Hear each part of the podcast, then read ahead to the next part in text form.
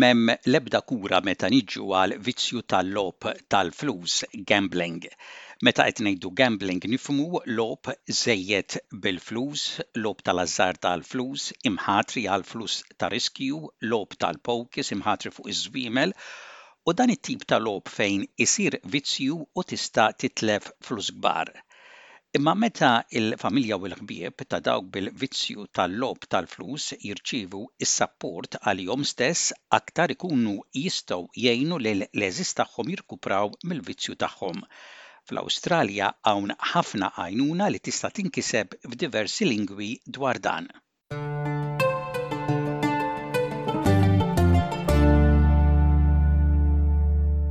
Informazzjoni mill-Istitut tas-Saħħa u l-Welfare li ħarġet is-sena l-oħra turi li madwar wieħed minn kull tlieta min-nies fl-Awstralja jonfqu l-flus fi prodotti u attivitajiet tal-logħob tal-flus u 7.2 fil-mija ta' dawk adulti fl-Awstralja jinsabu fil-periklu li jesperjenzaw u jgħaddu minn problemi kaġun tal-logħob tal-flus. Konsegwenzi negattivi mil-logħob tal-flus jiġu f'forom differenti inkluż problemi finanzjarji, problemi legali u problemi emozzjonali. Dawn mhux biss jaffettwaw l-individwu bil-problema imma anke l-familja tagħhom u dawk ta' madwarhom. Sally Gainsbury hija professur tal-psikoloġija fl-Università ta' Sydney. Hija tispjega għaliex in-natura ta' dan il-vizzju tista' tkun aktar diffiċli biex tkun indirizzata. Hija tgħid li l-vizzju tal-logħob tal-flus jista' jinħeba faċilment kemm online, u anke jekk ma ikunx online għax ma jidirx fuq il-persuna bil-problema. Gambling can be easily hidden both online and offline. It's often called the hidden addiction because you don't see it in someone's eyes or smell it on their breath if they have a gambling problem. Online gambling brings that to the next level by obviously being able to be physically in the home while gambling or doing it on a mobile device.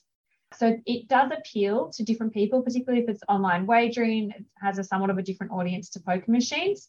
The harms are still the same and the financial costs are still the same.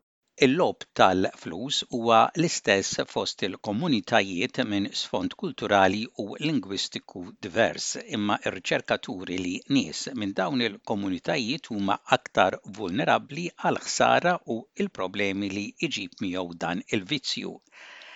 Natalie Wright hija d-Direttur ta' l-Uffiċċju Responsabbli mill-Gambling fi New South Wales. Hija tispjega kif il-kultura ta' xi ħadd tista' tinfluwenza l-attitudni tagħhom lejn il-logħob tal-flus. Hija tgħid li ħafna drabi l-mistħija u l-istigma jwasslu biex dawk minn komunitajiet lingwistikament u kulturalment diversi ma jfittxux l-għajnuna li jkollhom bżonn. Il-problema l-oħra hija l-counselling. F'ħafna komunitajiet minn dawn il-pajjiżi tal-Punent hemm l-idea li kollox jinżamm fil-familja. So quite often shame and stigma are really big barriers are help seeking in people from culturally and linguistically diverse communities and often that collectivist sort of culture means that the problem that they may be experiencing with gambling is not only individual, it reflects on the families. And the other issue is around counselling in many communities, a really foreign Western concept. So, there's often a notion that people want to keep things within the family Il-Professur Gainsbury hija wkoll id-Direttur taċ-Ċentru tal-Kura u r-Riċerka fl-Università ta' Sydney. Hija tgħid li huwa importanti li l-kura tmur lil hemm mill-persuna li jkollha l-vizzju tal-logħob. Naturalment huwa importanti li l-individwu milqut mill-problema jifhem il-problema u juża l-istrateġiji biex jegħleb il-problema, imma importanti l-ambjent li jaffettwa madwarhom. għandhom is-sapport biex jgħinhom jegħlbu l-problema, il-problema tagħhom qed taffettwa lil oħrajn u kif jistgħu jimxu 'l quddiem billi jibdlu l-ambjent ta' madwarhom. Obviously one aspect is to work with the individual to manage their own understanding of gambling and use of gambling as a coping strategy but also to look at the dynamics of their environment. Do they have support in terms of their recovery? Have they disclosed their gambling problem? Is their gambling problem impacting significant others and how can we set them up for success by changing that environment? Il-Professur Gainsbury tgħid li ħafna nies ma jagħżlux sapport formali. Għalhekk, kemm jekk ikun it-tabib tas-saħħa jew sapport fil-komunità, dan jista' jgħin lill-individwu. there's a lot of variation in terms of how people get support for gambling, and many people will look for informal support. So whether that be uh, a health practitioner or you know supports within the community, such as community leaders or religious leaders, or support within their family, this can be really helpful if it is appropriately provided Qraba u ħbieb ta' nies li jesperjenzaw problemi ta' logħob tal-flus jintlaqtu wkoll mill-problema u jkollhom bżonn is-sapport ukoll. Jistgħu jkunu qegħdin jesperjenzaw problemi finanzjarji minħabba l-logħob tal-flus tal-persuna l-oħra. Jistgħu jkunu qegħdin jesperjenzaw stress fir-relazzjoni tagħhom mal-persuna bil-vizzju. Għalhekk dawn in-nies ikollhom bżonn għajnuna huma stess irrespettivament jekk il-persuna bil-vizzju tkunx qed tipprova tibdel ħajjitha jew le. Importanti li jippruvaw ikollhom l-appoġġ huma stess waqt li jkunu qegħdin jgħinu lill-persuna l-oħra tegħleb il-problema. They are often experiencing financial harm associated with gambling. They might be experiencing stress to the relationship and they have to deal with the negative consequences. So these people need to have support for themselves in order to manage their own levels of stress or distress. They also need to support themselves regardless of whether the person is trying to change their gambling. It's also helpful for them to have support while they're trying to assist someone or support someone who is attempting to recover.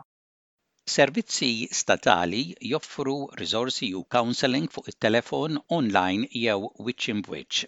Il-Gvern ta' New South Wales għandu kampanja, The Number That Changed Our Life, In-Numru Li Bidel Ħajjitna, bil-għan li tgħin lil nies minn komunitajiet diversi li qegħdin jiltaqgħu ma' problemi bil-vizzju tal-logħob tal-flus u mhumiex ċerti kif u fejn jiksbu l-għajnuna.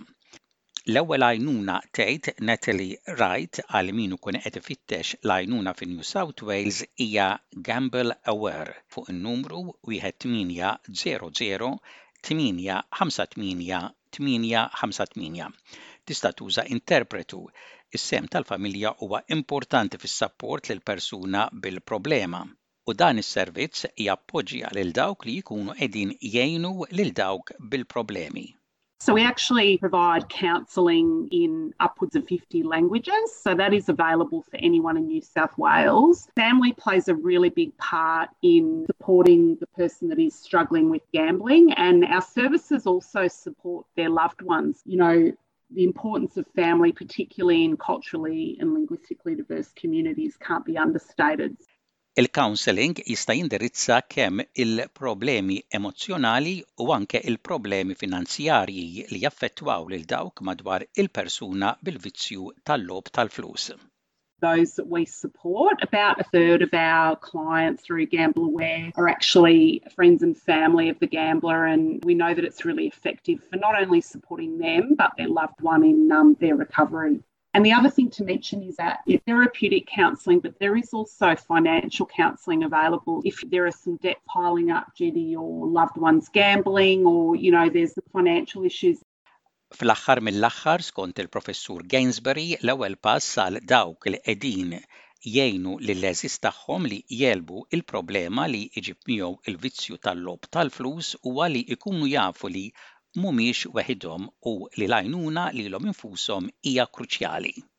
It's important for people to realize that there is a lot of support available for them. They're not by themselves. This is not a unique problem they have to face for the first time. To be mindful of, you know, the adage of getting your own oxygen mask on first, to try and be supportive of someone with a gambling problem but to encourage them to seek professional help. This is something that people have years of training to be able to do. It's not expected that as a friend or a family member, you're going to be able to provide that same level of support to help someone.